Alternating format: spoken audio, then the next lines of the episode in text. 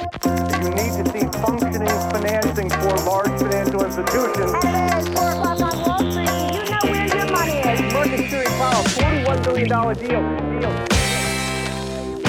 Då är det dags för investerarens podcast nummer 148 i ordningen och det är väldigt snart dags att stänga böckerna för börsåret 2020s första månad. Eh, första dagen var ju bra, vi var upp 2,07% och sen så vart det lite stökigt och sen har vi haft lite, lite orosmoln och det brukar ju vara så. Det ska finnas orosmoln på himlen annars är det ju när himlen är alldeles knallblå som man kanske ska bli orolig. Förra veckan slutade på minus 0,72 och börsåret 2020 har ju hittills karaktäriserats av raketattacken på Qasem Soleimani den iranska toppgeneralen som dog på irakisk mark och den eh, geopolitiska spänningen som har eh, stegrat mellan USA och Iran och sen utbrottet av coronaviruset som har tagit ett stadigt grepp om risksentimentet globalt senaste dagarna. Och när det här spelas in så har ju hela årets uppgång eliminerats och förbytts till en nedgång på minus 0,02%. Eh, men även här då på morgonen nu den 28 så vänder det upp lite grann igen så att jag tror att vi är faktiskt på, på Holland, men när jag skrev eh, mina eh, tankar kring agendan här idag så var vi på minus, det vill säga igår då den 27 januari. Men man kan väl med gott samvete säga att vi balanserar på nollstrecket efter att ha varit upp några procentenheter i alla fall eh, under 2020. Vi är ner ungefär 3,5% från toppnivån i år. Och just den här raketattacken och spänningen mellan USA och Iran pratar man ju inte jätte om just nu kanske. Eh, det var ju när Norel Rubini, eh, also known as Dr. Doom, gästade Skagens nyårskonferens där jag var och lyssnade så eh, pratade han ju rätt mycket om USA och Iran och den oron att det kan blossa upp lite grann. Nu pratar man kanske inte lika mycket om det och jag var också på en lunchdragning hos East Capital idag där bland annat då Anders Borg, vår förra finansminister, men nu också rådgivare till bolaget East Capital pratade och han menade att eh, USA med deras shale gas håller ju liksom utbudet någorlunda på en, på en nivå som gör att priset kanske inte spikar uppåt. Och Saudi Aramco, eller Saudiarabien, har ju också incitament att se till att priset inte faller för mycket i och med att det här bolaget nu är börsnoterat. Så att vi har en liten, en liten kudde både på upp och på nedsidan och det är klart att oljepriset styr ju rätt stor del av både maktbalansen globalt men även priset för att eh, energi och transport är ju en stor insatsvara i väldigt många produkter. Inte minst den tillverkande industrin då, så att det var en, en intressant spaning. Nu däremot så är det ju coronaviruset som har smittat det globala risksentimentet och sänkt den globala riskaptiten så att nu pratar man ju inte lika mycket om eh, USA och Iran. Och här påminde eh, Anders Borg också då om att eh, Kina har incitament att se till att Iran inte heller bråkar för mycket och att man håller upp Hormuzsundet därför att Kina och Indien bland annat är ju stora importörer av olja och de vill ju se till att Hormuzsundet hålls öppet. Så att det finns stora globala maktintressen. Det här har ju eh, varit lite lugnare. Det stökade till det initialt i början på januari. Nu är det som sagt coronaviruset. Och jag har varit lite nyfiken på det här. Äh, vad är det för någonting och hur påverkar det börsen och varför påverkar det börsen? Så jag har grottat ner mig lite grann i bakterier och virus. Jag har inte riktigt känt till eh, på en granulär nivå har inte riktigt känt till eh, skillnaden tidigare. Man vet ibland får man någon bakterier, ibland får man något virus, men vad beror det på? Ibland får man antibiotika i form av penicillin, inte så ofta. Jag hatar eh, halsfluss, det är det värsta jag vet. ja, en av de värsta grejerna jag vet i alla fall. Tur att man inte får det så ofta. Men när det är någonting som drabbar börsen, då drabbar det också min eh, nyfikenhet, vilket innebär att jag har kikat lite grann både på WHO, alltså Världshälsoorganisationen, men även Folkhälsomyndigheten i Sverige då. Så att det finns både bakterier och virus. Och virus, det är en liten mikroorganism utan egen ämnesomsättning som måste invadera en levande cell och styra den här levande cellen för att kunna föröka sig och då orsaka en infektion. En bakterie däremot är en encellig organism som har en egen ämnesomsättning och förökar sig genom delning och kan överleva utanför andra levande celler. En svårare infektion med bakterier kan ofta behandlas med antibiotika såsom penicillin, det är vi vana vid, det känner vi till, eh, medan virus måste läka ut av sig själva. Typ som en förkylning, det är ju ett virus, det måste läka ut. Där brukar man prata lite grann om te med lite honung i kanske och lite vitlök och vissa pratar om vitpeppar och andra pratar om ginseng och allt möjligt för att kunna stävja om det är så att man börjar känna lite grann att det kliar i öronen och liksom börjar göra lite ont i halsen och sådär, då har man fått ett virus. Och det är liksom bara att dra täcket över huvudet, eh, ja nästan i alla fall, inte riktigt helt över huvudet, utan du måste ju kunna slå på TVn, slå på Netflix och ta det lite lugnt. En gång i tiden var det TV-shop och Ricky Lake som gällde när man var sjuk, nu finns det väldigt mycket att grotta ner sig i. Och det finns sju stycken coronavirus som man vet kan smitta människan och de ger lite olika symptom. Vissa är vanliga och orsakar vanlig förkylning där som sagt medan andra varianter är lite ovanligare och lite mer allvarliga också.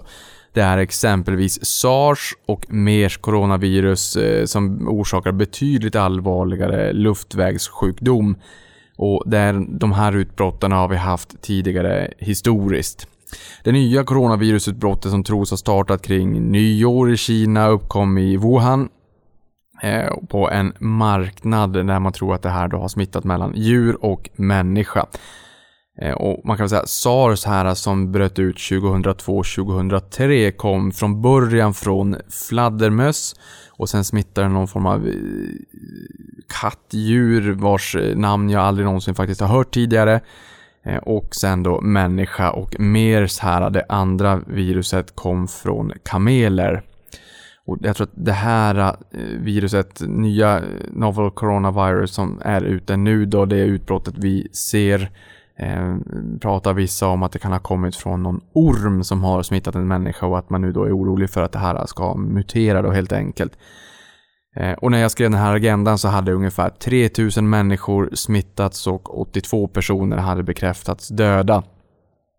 Det här är ju eh, samtidigt som nyårsfirandet pågår i Kina och man har ju också förlängt det här nyårsfirandet en tid för att man vill att folk inte ska tillbaka till, till jobben utan man hoppas att det här ska kunna eh, lägga sig. Eh, och samtidigt har man satt hela eller delar av städer i lockdown i Kina vilket påverkar närmare 60 miljoner människor. Så då förstår man också vidden av det här. Det är alltså närmare sex Sverige som helt eller delvis påverkas av en lockdown, som inte kan konsumera, som inte kan jobba, som inte kan interagera. Eh, ja, det är klart att internet lär ju funka självfallet, men eh, det är, eh, jag tror att det är ganska svårt att eh, föreställa sig det här om man inte riktigt har varit med om det här tidigare. Jag såg en video också på Wall Street Journal där den visade en, en, en spökstad mer eller mindre när man körde runt lite grann i stan och på närmaste bensinmack och sådär. Det är helt öde. Så att det är, och jag tror att det här är också det som skrämmer marknaden lite grann. Kanske inte hur många som har blivit smittade och hur många som har, har dött av det här även om det är tragiskt utan kanske delvis sprider risken. Eh, vi hade 150 miljoner kineser som reste utomlands 2018 så att jag menar det är ju väldigt många människor som reser runt om i världen. Det sprider sig väldigt snabbt och det skulle kunna spridas väldigt snabbt. Men det är väl snarare liksom att nu har vi gått och väntat på att industrikonjunkturen ska vända och liksom hyggliga siffror från Kina som är världens tillväxtmotor Eh, och vi har liksom precis nu har känt liksom att ja, men nu, nu börjar siffrorna vända, nu börjar sentimentet vända. Nu kanske vi får en, liksom en hygglig industrikonjunktur och vi har lagt eh, handelskonflikten bakom oss. Eller åtminstone att fas 1-avtalet är signerat. Då var väl kanske inte riktigt det här det man ville ha Eh, som också förväntas eh, påverka eh, kinesisk BNP men kanske skjuter eh, utvecklingen lite grann ett kvartal framåt eller sådär men det, det jag har förstått när man eh, lyssnar till ekonomiska bedömare är väl att det här kommer ha en, en begränsad påverkan. Men det är just nu som det här är i ropet då helt enkelt. Eh, men jag sa här att 3000 hade smittats och 82 personer har bekräftats döda. Men det var igår. Idag är det närmare 4 500 fall av det nya coronaviruset som heter 2019-NCOV eh, och det är 106 personer som har avlidit av den här infektionen då, säger den europeiska smittskyddsmyndigheten ECDC i den senaste sammanställningen från idag den 28 januari. Så det är väl det man är lite orolig för att det här viruset har visat sig sprida sig snabbare än SARS som många jämför med 2002 2003, Men det är också så att det verkar som att det här nya viruset verkar ha lite lägre dödlighet. Kroppen har ju ett naturligt immunförsvar och det boostas ju av ett, ett hälsosamt leverne och eh, motion och liksom lite fysisk träning och sådär. Ni vet, you know the drill. Ehm, men det som är lite utmanande är att kroppens immunförsvar inte är lika effektivt när det är ett virus som kroppen inte känner igen. Ja, de flesta av oss har ju haft en förkylning eller kanske åkt på flunsan någon gång. Jag tror att det inte är någon av er som lyssnar på det här som har, är så lyckligt lottad att ni aldrig har legat hemma snuvig och käkat isglass eller glass kanske ehm, för att lindra lite halsont. Men ehm, problemet är då så att säga när man då inte, när man inte har insjuknat i viruset förut. I och med att det här är ett nytt virus som kroppen inte känner igen sedan tidigare, som det inte finns några vaccin emot och sådär. Och det är klart att då tar det ju lite längre tid att bli kvitt det här. Eh, immunförsvaret kommer ha lite svårare att eh, mota det här viruset och de som är gamla eller svaga och redan är sjuka så att säga, eh, ja, de får ju ändå lite sämre förutsättningar och, och det är som jag har förstått att många av de som dör i den här typen av utbrott tenderar kanske att vara äldre eller de som är lite sjuka från början, tyvärr. Och i dagsläget som sagt, det finns inget vaccin mot det här och marknaden är ju rädd för att det här ska bli en pandemi. Alltså att det ska få en väldigt stor spridning globalt och det är ju mm, i många delar av världen så går man ju ut och rekommenderar att om man inte verkligen, verkligen måste till Wuhan i Kina så kanske man ska lägga de reseplanerna på is. Sen är det ju också så här att eh, när det finns risk för en pandemi eh, så kommer det också finnas ekonomiska intressen att mota Olle i grind.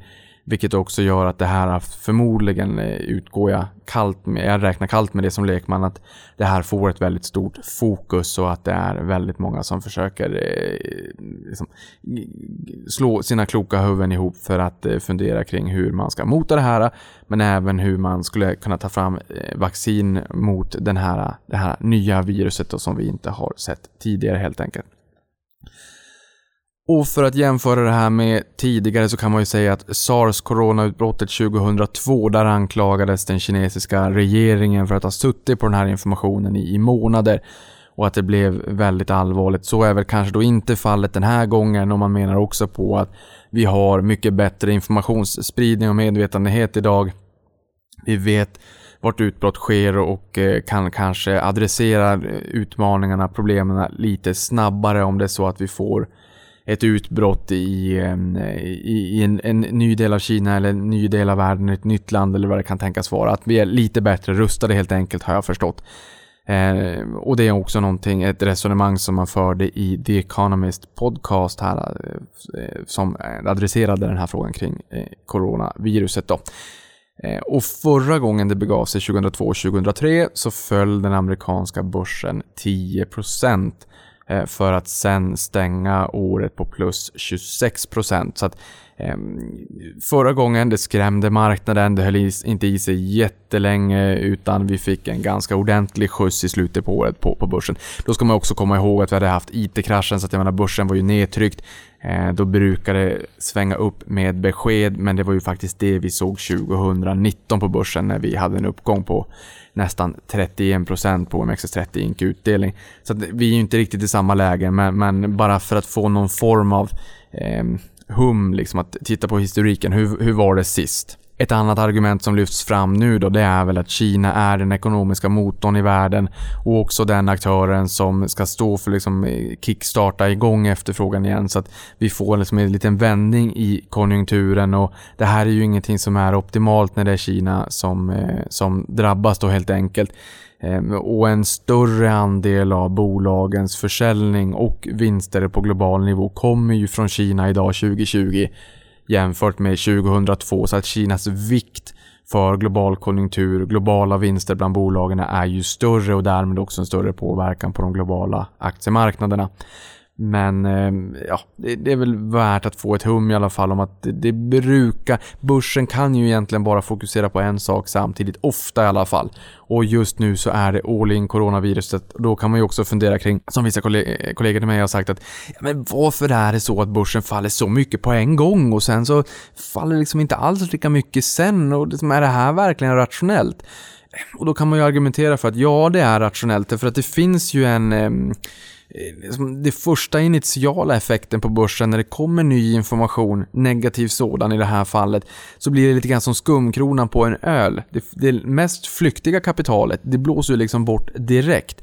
Men då kan man också argumentera för att ju, ju längre tiden går, desto fler dagar, desto mer information vi nås av, desto större andel av det kapitalet som eh, nås av de här nyheterna är ju liksom luttrat kapital som har valt att stanna. Medan vissa andra, de drar bort spelmarknaden direkt och ser hur, hur marknaden eh, agerar. Och sen kan man liksom själv fundera kring, ja, men hur ska jag reagera? Hur, när ska jag in i marknaden igen? Eh, men det flyktigaste kapitalet, det driver liksom flödena initialt när det kommer en sån här nyhet. Men det innebär ju också att när man blåser faran över, ja då ska ju det här kapitalet också kanske in på marknaden. Speciellt om vi fortsatt lever i en TINA-värld, eh, there is no alternative, ja, men då ser vi ju att de här pengarna flödar tillbaka i marknaden. Men just nu är det stor oro. Hur mycket kan det här spridas globalt? Hur mycket kan det här påverka konsumtionen, produktionen? Kan vi få se globala störningar? Kan vi få se att det här sprids i, i flera länder? Kommer vi få stänga ner statsapparaten? Om man ska liksom någonstans måla upp ett, ett Dooms-scenario. Men eh, redan idag som sagt, det är väldigt mycket människor i Kina, det är 1,4 miljarder. Men alltså att man har en lockdown, eller delvis lockdown på närmare 60 miljoner människor, det tycker jag ändå är... Eh, ja, jag tror att du förstår vad jag menar. Det är ganska... Eh, det är ändå en ganska drastisk åtgärd kan jag tycka. Och det här sars-coronaviruset från 2002, det smittade 8098 människor. Eh, och krävde då 774 liv. Så i dagsläget idag den 28 januari så har vi 4 500 bekräftade smittade, det vill säga ungefär hälften av den totala eh, smittbasen från 2002 med sars-viruset och vi har 100, eh, strax över 100 liv som har gått till spillo jämfört med 774 liv då sars 2002 så att ungefär 14% av totalt hälften av antalet smittade 2000, eh, 2002 men 14 procent av antalet döda då. Så att det här är ett virus som man i media säger sprider sig fortare, eller ten, det, det, mm, har tendenserna liksom, det har visat sig sprida sig fortare, men också ha en lägre dödlighet. Och för att sätta det här i perspektiv så kan man säga att det är ungefär 3 till 5 miljoner människor årligen som drabbas av allvarlig influensa och in, insjuknar, alltså allvarligt så att säga. Och av de här är det ungefär 250 till 500 000 människor som dör i den här allvarliga influensan. Så det ska man väl kanske då sätta i relation då. Det vill säga SARS 2002, 2003, 8098 drabbade och 774 liv som gick till spillo. Och det här nya utbrottet så pratar vi alltså om 4 500 smittade och 106 personer som har bekräftats döda. Det som är lite oroväckande här är ju självfallet att man är orolig för att det är en exponentiell tillväxt i antalet smittade och det man är orolig för det är ju som sagt om det skulle bli en pandemi. Jag har också fått ett lyssningstips av en Twitterföljare som sa att lyssna på P3 Dystopias senaste poddavsnitt som heter just pandemi. Jag har inte hunnit göra det, jag kommer absolut att lyssna på det. Det är väldigt allmänbildande och de är oerhört bra och välproducerade. Så det är väl ett lyssningstips helt enkelt. P3 eh, Dokumentär P3 Dystopia senaste avsnittet Pandemi helt enkelt. Och det man på marknaden delvis är rädd för det är väl den reala påverkan att vi har eh, väldigt många människor som inte kan konsumera, som inte kan ta sig tillbaka till sina jobb. Och det lägger ju en våt filt över den globala motorn helt enkelt. Så att det återstår ju att se vart det här landar. Förhoppningsvis så får man väldigt snart bukt med det här och liksom kan, kan kväva det här och kan få tid på sin sida att studera det här viruset lite mer så att man kanske också kan få ett, eh, ta fram ett, ett vaccin till det här helt enkelt. Eh, Kina kommer inte att tillåta gruppresor varpå länder och företag som är beroende av det kommer att få det jobbigt. Sydkorea är ett sånt land. Vi var på en investerarresa i Sydkorea för två år sedan och där var man, de bolagen som vi träffade där, var man väldigt, väldigt, väldigt beroende av kinesisk konsumtion och kinesiska tax-free resor som de gör till Sydkorea då helt enkelt. Eh, och som jag sa här tidigare, kineserna gör eh, närmare 150 miljoner resor utomlands, eller gjorde 2018 och skrev Dagens Industri. Så det är klart att det får en, en påverkan när man har en sån här stor eh, lockdown. Eh, och nu är det över 60 bekräftade fall utanför fastlandskina. Det här är en dag gammal information så jag vet inte exakt hur, hur den siffran ser ut idag. Men eh, det, det sprids ju inte lika fort utanför Kina då man försöker ju liksom eh, omringa, omgärda det här med, med den lockdown som man har. Och marknaden som du säkert har sett har ju också darrat på manschetten med kraftiga nedgång som följde eh, till det här då. Det man också kan säga att det är börsen har ju stigit kraftigt efter 2018 års riktiga nedställ så fick vi en, en kraftig återhämtning under börsen 2009. Vi var 7% över toppnivån 29 augusti 2018 och en 4,5% över toppnivån 2015 så värt att ha med sig. Men det är klart att efter den här uppgången, nu står vi inför en rapportsäsong också, så det kan ju vara liksom ett enkelt argument för att man vill också ta hem lite vinster och att det här kanske var bägaren, eller droppen snarare, som fick bägaren att rinna över helt enkelt. Och då kan man ju fundera på vilka bolag påverkas av det här. Ja, i USA har vi sett United Airlines, Delta Airlines, spel och dobbelbolag såsom Las Vegas Sands, eh, Win Resorts och eh, MGM Resorts, Macau. Där det är liksom stora eh, folkmassor, man kanske inte sätter sig i samma flygplan, reser tillsammans, man åker inte till de här destinationerna, ehm, du åker inte till de här spel och dobbel, kasinodestinationerna där det är stora folkmassor. Du går inte i stora butiker där det eh, cirkulerar väldigt mycket människor, alltså retail kan få sig en liten, eh, en liten släng av sleven också. Eh, restauranger, hotell och den typen av verksamheter och det är det vi har sett tidigare också. Eh, historiskt när vi har fått sådana här utbrott så är det just eh, retail, restauranger, hotell som har drabbats lite hårdare då helt enkelt. Eh, amerikansk media skrev igår att eh, amerikanska retailbolag med en stor andel av omsättningen i Kina är Estée Lauder med 17%, Nike med 17%, eh, Tapestry med 15%, PVH 7%, VF Corp 6%, Capri Holdings på 4, Gap på 3, Lululemon på 3 och Under Armour på 2% då. Men innan det här så såg vi affärsaktiviteten öka i USA i inledningen av 2020 eh, och PMI, alltså inköpschefsindex, kom in på 10 månaders högsta eh, jämfört med i, eh, på 53,1 då jämfört med 52,7 i december och här är ju en nivå över 50 indikerar klassiskt sett tillväxt och en nivå under 50 indikerar kontraktion.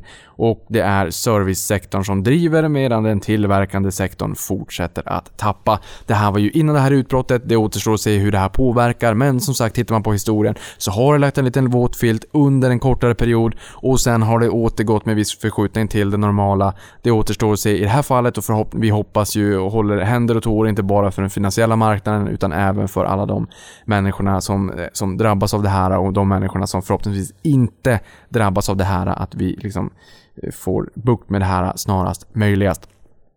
Men med de orden är det dags för ett nyhetssvep. Och då kan vi säga att Intel steg 14,9% förra veckan efter att bolaget lämnade en rapport som slog marknadens förväntningar och nu leder uppgången i Dow Jones year to date. En uppgång i leveranser av persondatorer och robust efterfrågan för halvledare i datacenters eldade på aktien. Och det var just persondatorer som gjorde att de hade det lite jobbigt för ett antal år sedan. Vi har ju AMD är ju liksom större på eh, konsolmarknaden och har ju också riktat in sig på datacenters. Nu kommer Intel med full karriär då. Eh, Google, Amazon och Microsoft spenderade 50 miljarder US-dollar de första nio månaderna 2019. Vi har inte fått siffran för Q4 ännu. Men det visar ju att de eh, investerar väldigt mycket i marknaden helt enkelt och det driver ju på så att säga efterfrågan på halvledare. Eh, och det verkar till och med som att de har ökat takten i Q4 ska sägas också då. Intels rapport tyder väl också på det att man får ha liksom en, en extrapolera lite grann liksom styrkan i rapporten att rimligtvis så är det så att man har ökat investeringarna helt enkelt. Datacenter steg 19% year on year vilket var 13 procentenheter högre än marknadens estimat. Men de måste investera i verksamheten för att förbättra tillverkningsprocessen efter ökad konkurrens från Taiwan Semiconductor Manufacturing, TSMC. Eh, och då landar capex på 23% av topline. Ganska hög siffra, men eh, 18% är snittet under perioden 2010 till 2015. Så det är Intel det. Vi har även sett AMD fått upp riktigt med fart senaste åren och innan den resan började så var ju AMD en tiondel i storlek marknadsvärdesmässigt med Intel. Men de har haft väldigt mycket luft under vingarna. Sen ser vi restaurangkedjan Dennis som kommer att utöka antalet restauranger som erbjuder hamburgare från Beyond Meat efter initial positiv respons. Och nu kommer 1700 restauranger erbjuda burgaren och aktien stiger 6% på en övrigt, i, eh, på en övrigt då, sur börs. Vi har också sett McDonalds som utökar samarbetet med Beyond Meat. Vi har sett Starbucks som ökar samarbetet med Beyond Meat. Så den har ju fått väldigt mycket fart under vingarna och visar på att efterfrågan faktiskt finns där ute. Och just det här med att man säger att man utökar efter initial eh, positiv respons.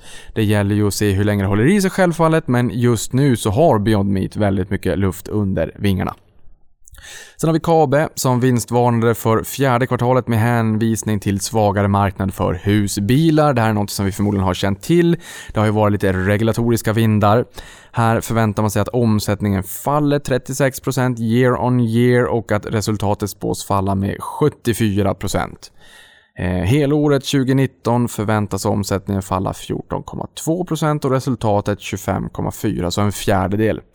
Eh, och det man argumenterar för eller pratar om eh, det är ju vikande svensk husbilsmarknad och höjda lagervolymer ute hos återförsäljarna eh, som de måste sälja ut innan efterfrågan ökar upp igen.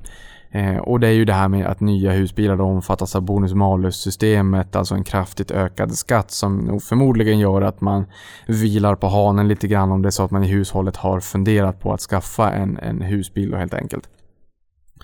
Enligt husvagnsbranschens riksförbund minskade husbilsregistreringarna i Sverige med 42% för helåret 2019. Sen kan det också vara så att det har varit en liten förköpseffekt. De siffrorna har jag faktiskt inte framför mig. Eh, men de menar också på att regeringen har gett Skatteverket i uppdrag att utreda förmånligare villkor för husbilar eh, och uppdraget ska redovisas till regeringen senast den 28 februari i år. Då. Eh, och ett positivt utfall av utredningen torde på sikt innebära en återhämtning för husbilsmarknaden, säger Kabe. Sen har vi fastighetsbolaget Castellum som släppte rapport och avkastningen de senaste 10 åren uppgår till 18 procent, alltså en kaggersiffra. siffra Eh, och eh, jag vet ju att ni utdelningsjägare älskar eh, det här då alltså att denna utdelningsgigant föreslår en utdelningshöjning för 22 året i rad.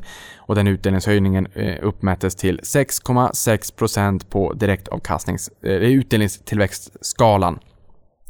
Sen investmentbolaget AB Spiltan handlas på all time high under januari månads eh, handelstillfälle. Kursen är satt på 140 kronor jämfört med 120 kronor vid decemberhandeln och tidigare ATH var på 135 kronor i juni 2018 justerat för splitten. Sen har vi veckans bomb i finansvärlden som är Collectors rejäla vinstvarning tack vare kreditförlustreserveringar på 800 miljoner kronor, en företrädesemission på en miljard kronor och en nedskrivning av aktiverade IT-investeringar på 150 miljoner kronor. Här föreslår valberedningen att Erik Selin tar ordförandeklubban i samband med årsstämman 2020 och fastighetsbolaget Balder samt Erik Selin själv äger nära på halva bolaget. Och här har Finansinspektionen kallat upp eh, Erik Selin och Lena Apler till, ehm, till Finansinspektionen för att berätta vad det är som har gått snett. Och idag såg jag lite ytterligare information om att de vill ha en detaljerad beskrivning till vad som föranleder eh, den här eh, 800 miljoner kronors smällen, alltså den här ökade kreditförlustreserveringen helt enkelt. Så att det återstår att se, som man brukar säga, to be continued. Förhoppningsvis så eh, reder man ut det här spörsmålet. Och med de orden så säger jag tack för mig och sen så hörs vi igen nästa vecka. You know